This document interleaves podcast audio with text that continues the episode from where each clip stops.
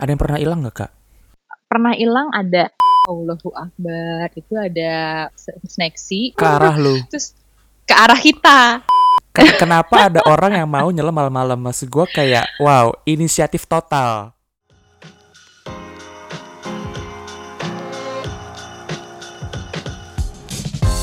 Hi, you're listening to Get Real with Ryan, a podcast that inspires people to show the real side of them with the purpose of sharing valuable knowledge and also learning from each other's life experiences as a lesson and a process to us. My name is Ryan, and let's get real.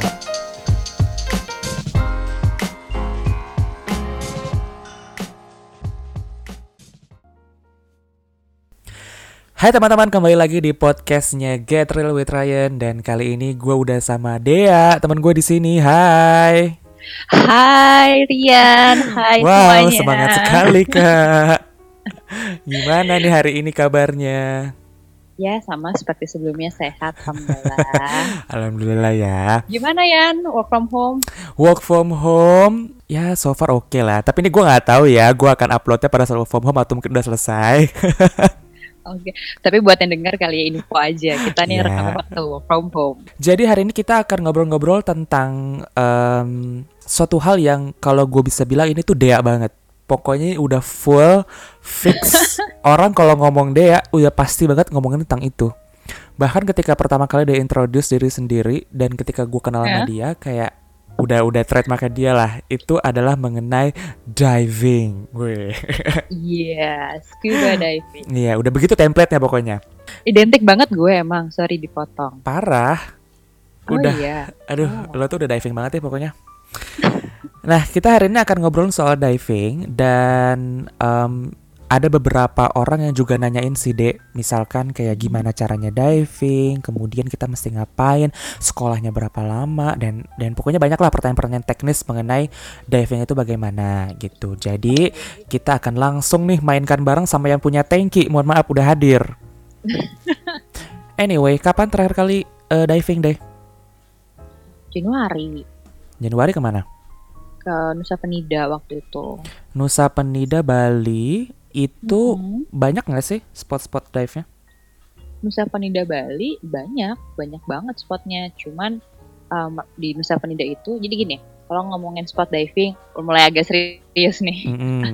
Jadi kalau ngomongin spot diving, itu pasti ada karakteristiknya masing-masing. Hmm. Kayak lo misalnya mau lihat apa, mau lihat satuannya ke titik A. Kalau lo misalnya Mm-mm. mau cari satu, satwa pun dibagi dua, kayak mau satwa yang gede-gede atau yang kecil-kecil. Itu ada spesifiknya lagi. Gitu. Kalau di Nusa Penida itu satu yang terkenal itu tempatnya Manta. Hmm. Terus ada apa lagi? Gitu. Kayaknya kayaknya ada ada ada satu lagi deh yang yang yang gue tahu apa sih? Oke itu gue lupa namanya. Apa tuh? Um, Yang yang yang curam itu loh, Crystal Bay. apa Crystal Bay. Mm-mm. Itu. Di Crystal Bay itu um, ada mola juga. Di Penida ada apa namanya? Manta sama mola. Mola apa sih kak? Di mola itu sunfish. Jadi kalau lo lihat dari depan dia pipih. Hmm. Begitu lo ke samping lebar, Bo. Gede. Ah, lebar gitu. Kayak makanya dibilangnya sunfish karena memang dia dari samping lebar, tapi kalau lihat dari depan dia pipih. Hmm. Jinak. Jinak, tapi itu susah banget ditemuin. Jadi kayak semua diver rata-rata kayak kalau ketemu mola pride-nya kayak udah gue ketemu mola gitu. Gue belum ketemu mola. iya emang susah gue aja berkali-kali turun nggak ketemu-ketemu nih. Tapi lo udah pernah ketemu sekali? Belum sama sekali kalau mola. Hmm. Sedih deh. Ya udah. Pengen banget. Next diving. Hopefully finger crossed. Nah, lo kalau misalkan dilihat dari uh, leveling dan kayak uh, apa sih profil diving, lo tuh yang kayak gimana? Gue secara level sertifikasi diving masih di level advance. Jadi paling bawah itu ada open water, lalu ada advance. Mhm. Dari advance itu ada rescue, rescue dive master Hmm. gitu. Um, ya gue masih advance, lock gue juga belum terlalu banyak. Lock itu kayak setiap lo diving kita harus catat. Hmm. Satu kali diving disebutnya satu lock. Nah, lock gue sendiri tuh masih sekitar 50-an lah, 50-60. Lim- kalau tadi lu bilang satu kali dive itu satu log berarti 50 berarti lu 50 kali nyebur. Iya, udah 50 kali turun. Anjir. Banyak Kak 50. Ya, tergantung sih kak. Kalau di compare sama yang lain, wah yang lain udah ribuan gitu lah. Bener-bener lo pengen jadi instruktur? Pengen, Hmm. pengen. Tapi gue mau mencari jati diri dulu nih. Gue secara profiling diving, gue sukanya um, stylenya seperti apa. Awal mulai diving kapan? SMP. SMP lo udah nyebur. Iya, dua sebentar ya. Ketahuan deh nih angkatan berapa? Sekitar 2004 2005 pertama kali gue nyebur Udah diving atau snorkeling? diving. Wow, berani Gue sekali Anda. snorkeling dari SD kayaknya. Wow. Kak, mohon maaf nih, aku aja snorkeling aja tuh SMA kelas 1. Dan itu pun gua takut. Ya kan beda-beda. Jangan tanya gue kenapa gue berani. Bisa aja udah. Jadi bisa tuh orang yang nggak punya eh, sertifikat tuh nyebur tuh bisa Bisa, tapi nggak boleh dalam-dalam. Berapa tuh kedalaman? Kayaknya maksimal di 5-6 meter deh. 5-6 meter. Emang banyak ikan di situ? Ya, tergantung spotnya. Hmm. Tapi di di kedalaman segitu udah lumayan sih ya. Apalagi kalau lo turun di spot yang banyak karang itu pasti ikannya juga lumayan. 5 meter tuh ikan apa contohnya? Um, kadang ada Nemo. Gue Hmm. gue jujur gue nggak hafal nama-nama ikan. yang yang kecil-kecil gitu ya kayak gue hafal yang gede-gede. Primata-primata. Oke, jadi kan ikan Nemo, terus anemon anemon gitu-gitu kali ya, yang, Yes, yang warna-warni kali ya. bener. Terus lo ketika decided untuk bikin license tuh berapa tahun setelah lo pertama kali nyebur? Gue license pertama kali 2012. Gimana cara biar dapat license tuh? Jadi gue itu em, dari 2005 ya pertama kali nyebur, terus di 2008, 2009 gue ulang lagi, gue nyebur lagi gitu. Hmm, Tapi dengan em, tipe yang sama, gue nggak ada sertifikasi. hmm, Terus karena stres skripsi, terus gue kayak aduh gue harus melakukan hal yang positif nih. gitu. Hmm. Kalau enggak makan tidur makan tidur aja kan. hmm. Uh, gue waktu itu kuliah di Bandung, gue googling kayak diving Bandung. Eh jebret muncul nih satu dive center. Hmm. Gue kontak orangnya, um, ah nuhun, namanya dong gini gini gini gini gitu. Terus kayak oh ya udah boleh datang aja langsung. Hmm. Datang langsung ke kolam, nanya-nanya harga segala macam. Kak zaman mahasiswa uang bulanan kan lumayan ya, masih Mm-mm. dikontrol oleh orang tua gitu kan. Hmm. Gue nego nih sama yang punya dive center kayak boleh nggak bayarnya nyicil? Oke. terus ya udahlah gampang boleh gitu karena dia juga tahu gue mahasiswa udah dari situ um, ambil course Hmm. Um, kurang lebih sebulan terus akhirnya terjun ke laut lagi lalu intens dari situ udah mulai jadi intensnya tuh sebenarnya 2012 sampai sekarang Itu diajarin apa aja? um, basicnya kalau untuk sertifikasi open water yang basic level Hmm. itu ada tiga kali kelas kolam Hmm. dua kali kelas teori Oh ada teorinya Gitu. juga. ada teori. Tapi sebenarnya lima, lima kelas ini nih bisa fleksibel kayak teori mau dijadiin satu hari itu bisa. Hmm. Jadi lo sehingga cum- eh, lo harus empat kali pertemuan aja Hmm. kayak gitu. Terus kelas kolam pun kalau misalnya lo belum merasa confident ya diulang lagi tambah lagi ya juga bisa tinggal request aja gitu. Tapi itu bisa lebih cepat dari sebulan. Bisa kalau misalnya memang lo kosong seminggu kosong ya tiap hari ambil Si kelas kolam, maksudnya tuh itu diajarin apa aja? Em, kelas kolam pasti dilihat basic basic eh, berenang Hmm. ya kan. Terus ada sedikit kayak safety course harus apa aja lo em, sebelum pindah ke alat kayak lo di badan nih nanti alat yang akan tempel apa aja terus Hmm. cara em, safety lo seperti apa terus ada kelas untuk tahu alat-alatnya tuh apa aja Hmm. cara makainya cara ngelepasnya terus cara eh, apa merawatnya gitu Kalau nggak bisa berenang, bisa diving nggak? Sebenarnya bisa, tapi rata-rata nggak ada yang pede. Sebenarnya sih nggak nggak jadi masalah ya, Yan. Hmm. Kalau lo nggak bisa berenang gitu, toh diving kan tenggelam anyway. Iya. Cuman for the sake of your safety, kalau lo bisa berenang, lo bisa lebih confident aja. Nah, terus setelah eh, lo sekolah udah dapat license tuh. Udah, udah dapat Dapat license. license langsung ke laut. Langsung ke laut. Jadi di laut tuh ininya kayak final examnya. Hmm. Apa yang lo pelajarin di kolam sama teori itu lo lo dapet ujiannya di laut. Bisa nggak lulus nggak?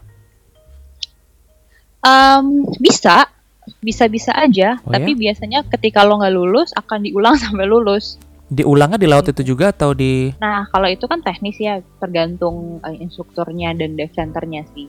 Gitu. Um, ada beberapa yang agak jahil, ya namanya industri ya, Yan. Pasti Hmm. ada oknum ya. Ya. Nah, ada ya oknum-oknum yang kayak sebenarnya dia tahu ini belum menyentuh um, standar gitu, cuman ya dilulusin aja. Tapi balik lagi gitu loh. Kita punya responsibility untuk our own safety. Kalau lo ngerasa nggak yakin, mestinya lo bisa, mas, mas, mas mau diulang dong atau apa kek gitu minta diulang. biasanya bayar berapa sih kak? Duh, kalau bayar gue takut salah ngomong nih ntar dihajar sama komunitas. Tapi yang gue tahu ya, yang gue tahu, at least uh, di tiga juta lima ratus itu.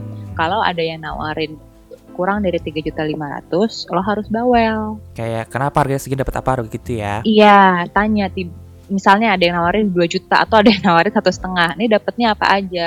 Karena biasanya triknya satu setengah itu cuma dapat buku. Nanti kalau lo kelas kolam lo bayar lagi Hmm. satu kali. Kelas kedua bayar lagi. Nanti mau teori bayar lagi. Jadi kayak ya ribet amat ya keluarin lagi keluarin lagi gitu kan, Hmm. Bo. Tiga setengah jutaan lah ya, biaya base-nya biasanya. Tiga setengah ke atas ya. Ya, yang ngeluarin si eh, sertifikat itu tuh siapa sih? Oh banyak banyak organisasi yang paling terkenal di Indonesia namanya PADI. Lalu ada SSI gitu, terus uh, ada Nawi, Duh, macem-macem ya. Itu kayak em, tadi nama-nama yang gue sebutin itu sebenarnya kayak nama sekolahnya. Kayak kita lah, lo SMA berapa satu, lo SMA berapa tiga. Em, sekolahnya banyak, cuman nanti outputnya ya udah lo lulusan SMA gitu Hmm, kan. Ya. Sama sama ini gitu. Oh ya, kan lo kan ngambil open water itu kan di Bandung.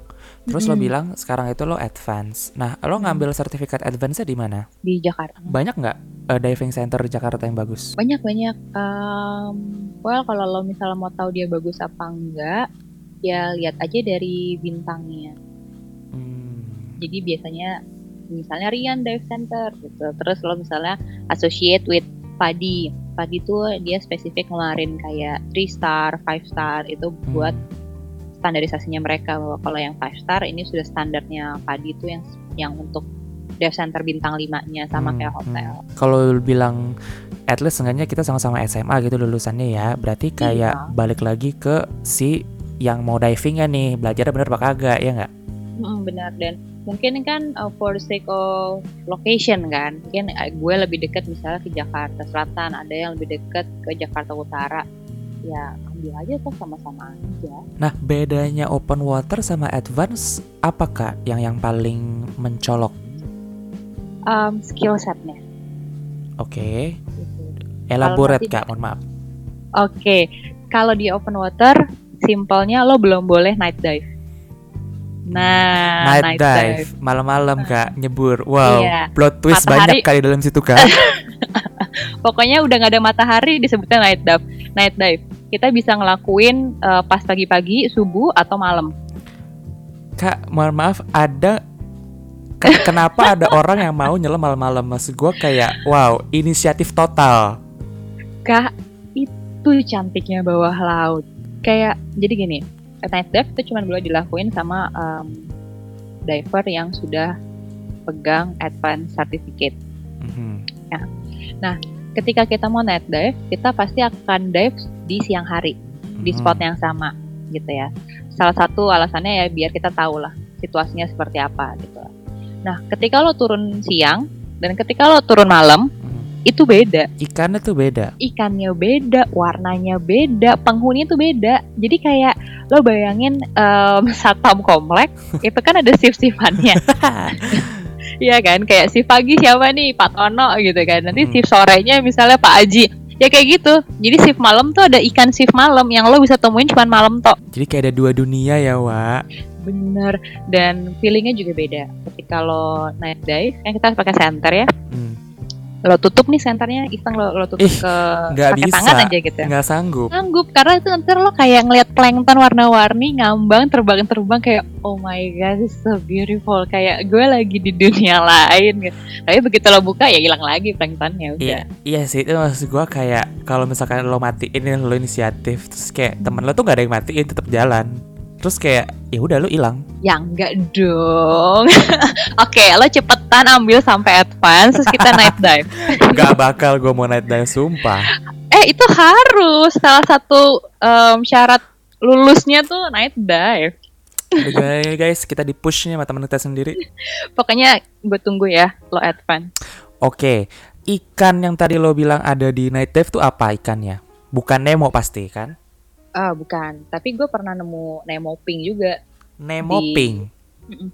Lo lo paham kan ya Ne- Nemo kebayang kan warnanya kan? Iya Nemo kan dia orange sama putih kan, aha. stripe. Nah, stripe yang orange-nya itu pink Oh my god Gue sambil google sih sejujurnya di Aceh waktu itu. Gue ketemu pas uh, menjelang mau maghrib, jadi jam-jam setengah enaman gitu lah. Gue masih di bawah ngabisin tangki, guide gue kayak ini nggak manggil, teng teng teng teng. Jadi kalau di diving tuh cara manggil kita uh, ngetuk-ngetukin tali ke tangki gitu, teng teng teng teng. Kita nengok, Hmm. dia ngasih tahu. Kan terus pas dilihat, wow, pink, cantik banget. Terus terus ada binatang yang ini nggak yang yang bener-bener lo nggak tahu itu binatang apa Hmm, em, gue sering ketemunya ikan bentuknya kayak kayak baby manta, tapi warnanya jadi abu-abu gitu kalau malam, abu-abu transparan gitu. Padahal aslinya kalau misalnya kita turunnya siang, Hmm. manta itu cenderung ke abu-abu gelap. Tapi dia nggak nggak nggak nggak menyerang. Um, enggak, Hmm. nggak tahu sih aku nggak ngajak ngobrol. Selama ini nggak diserang. Kemudian kalau misalkan eh lo 50 diving logbook itu lo udah ke mana aja tuh? Seluruh Indonesia apa lo juga udah mancanegara mainnya? Um, gue mancanegara ada beberapa, Hah, beneran? tapi Indonesia ya. Tapi Indonesia malah belum semuanya, baru Sabang sampai Gorontalo. Sabang Dari- sampai Gorontalo. Mm-mm, dari Gorontalo ke kanan itu gue belum explore. Bedanya apa dari satu tempat ke tempat lain? Untuk Indonesia ya, Hmm. makin ke timur makin cantik ya. Parah. Hmm. Kirain gue Um, Sabang tuh udah ini banget, udah oke banget loh. Ah, Sabang itu oke, tapi lo makin ke timur makin cantik lagi. Kayak karangnya beda, jenis ikannya tuh makin eksotis lagi gitu ya. Hmm. Terus um, arus yang pasti makin kencang. Jadi kalau lo mau ke timur Indonesia lo at least harus advance. Aduh gimana dong gue mau ke Labuan Bajo lagi. Nah makanya kamu advance cepetan daripada nyesel. Aduh oke oke, aku harus memikirkan Sebenarnya itu. Sebenarnya Yan, um, mau advance apa enggak, lo bisa-bisa aja sih namanya iseng ya. Lo bilang aja mas aku berani, gitu, masih open water. Tapi kan untuk confident level lo, Hmm. ya kan, ketika lo advance lo lebih tahu, lebih yakin, oh tekniknya tuh seperti ini, knowledge-nya tuh seperti ini, gitu sih.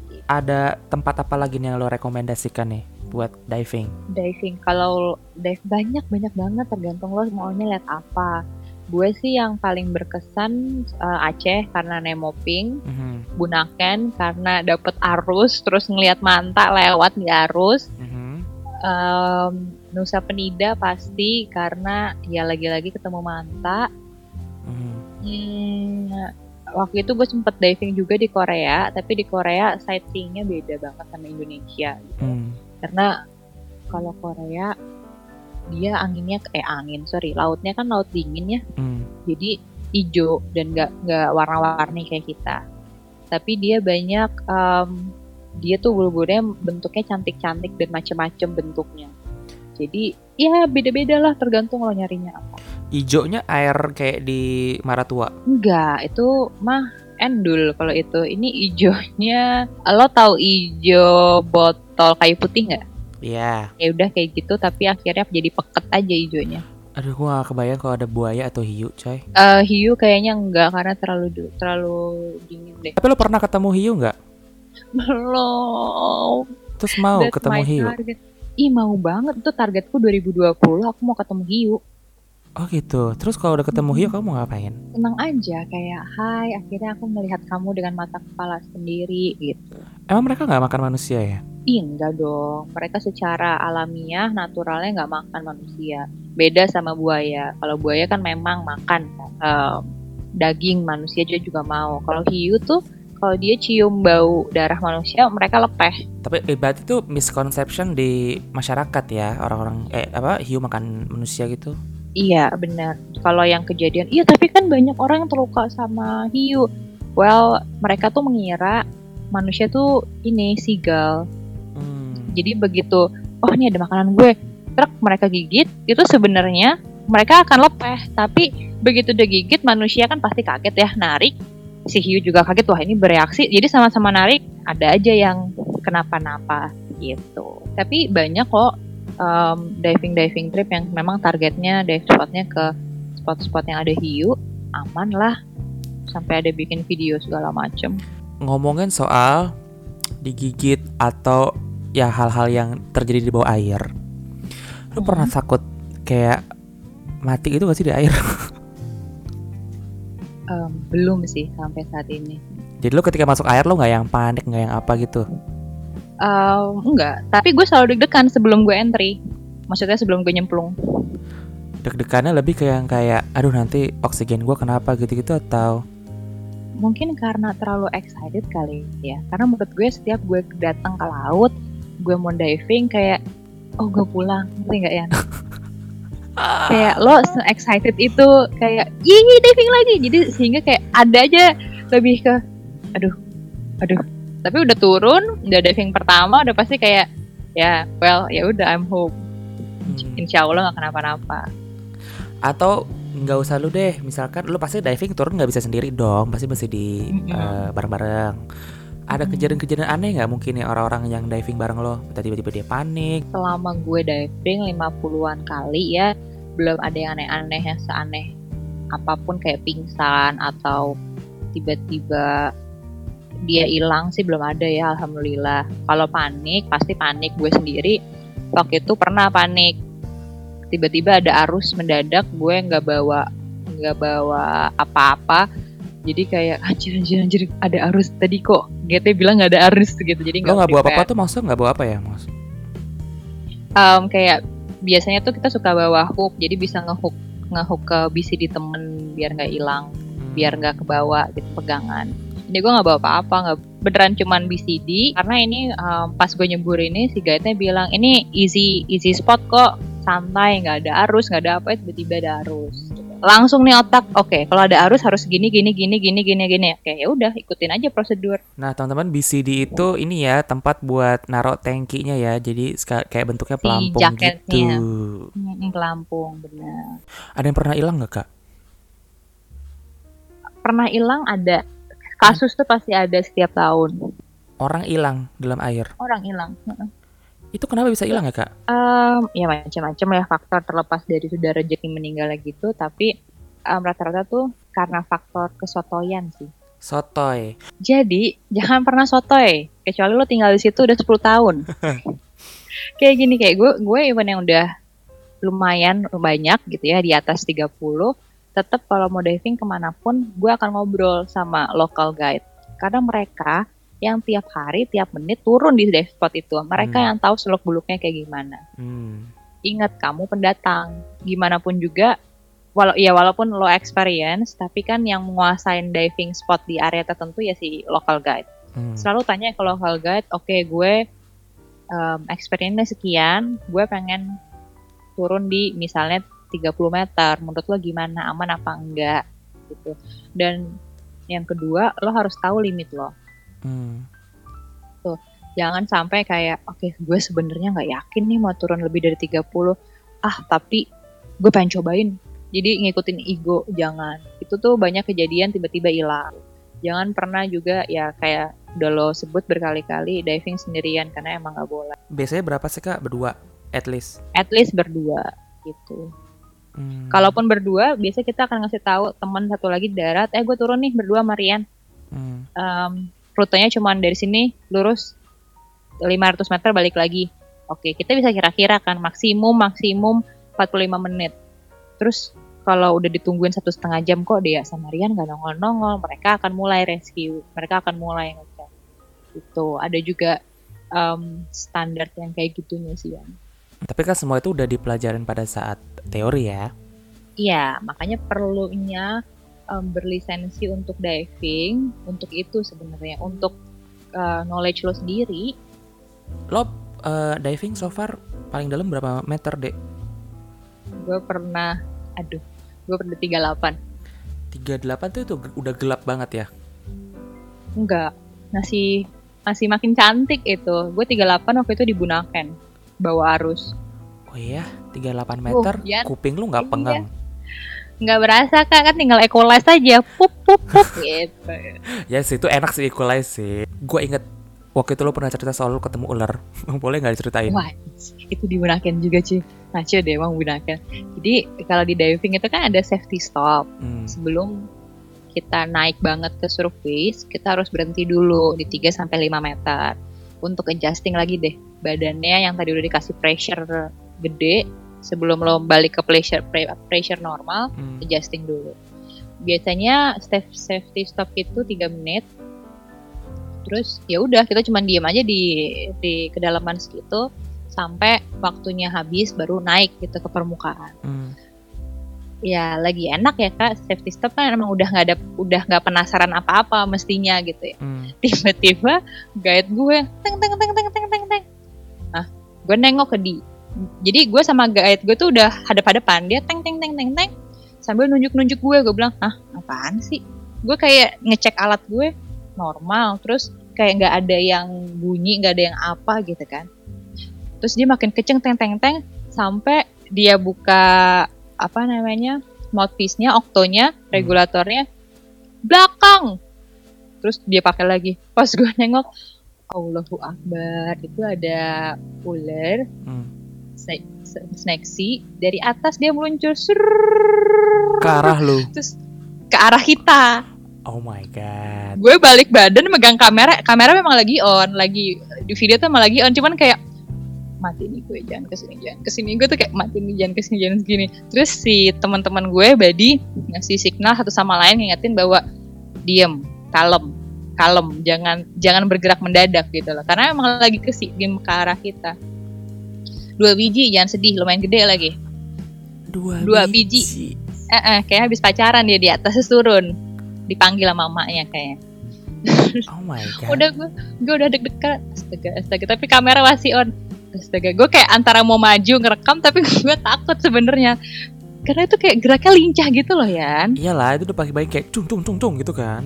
iya geraknya tuh lincah. Sedangkan biasanya di 3-5 meter itu tuh banyak karang. Jadi gue tahu gue tuh uh, flexibility-nya tuh nggak sedemikian rupa enak gitu. Hmm. buat kabur tuh kayak takutnya nabrak karang gue cuman sambil videoin aduh jangan ke sini jangan ke sini jangan ke sini udah dia hilang kayak ah. Terus berarti dia arahnya nggak agak ke lu. arahnya ke gue tapi kayak cuman ngelewatin sebelah kanan gue 45 cm terus shoot, udah dia ke bawah kayak hmm oke dadah bye. Besok bilang-bilang kalau mau dateng god.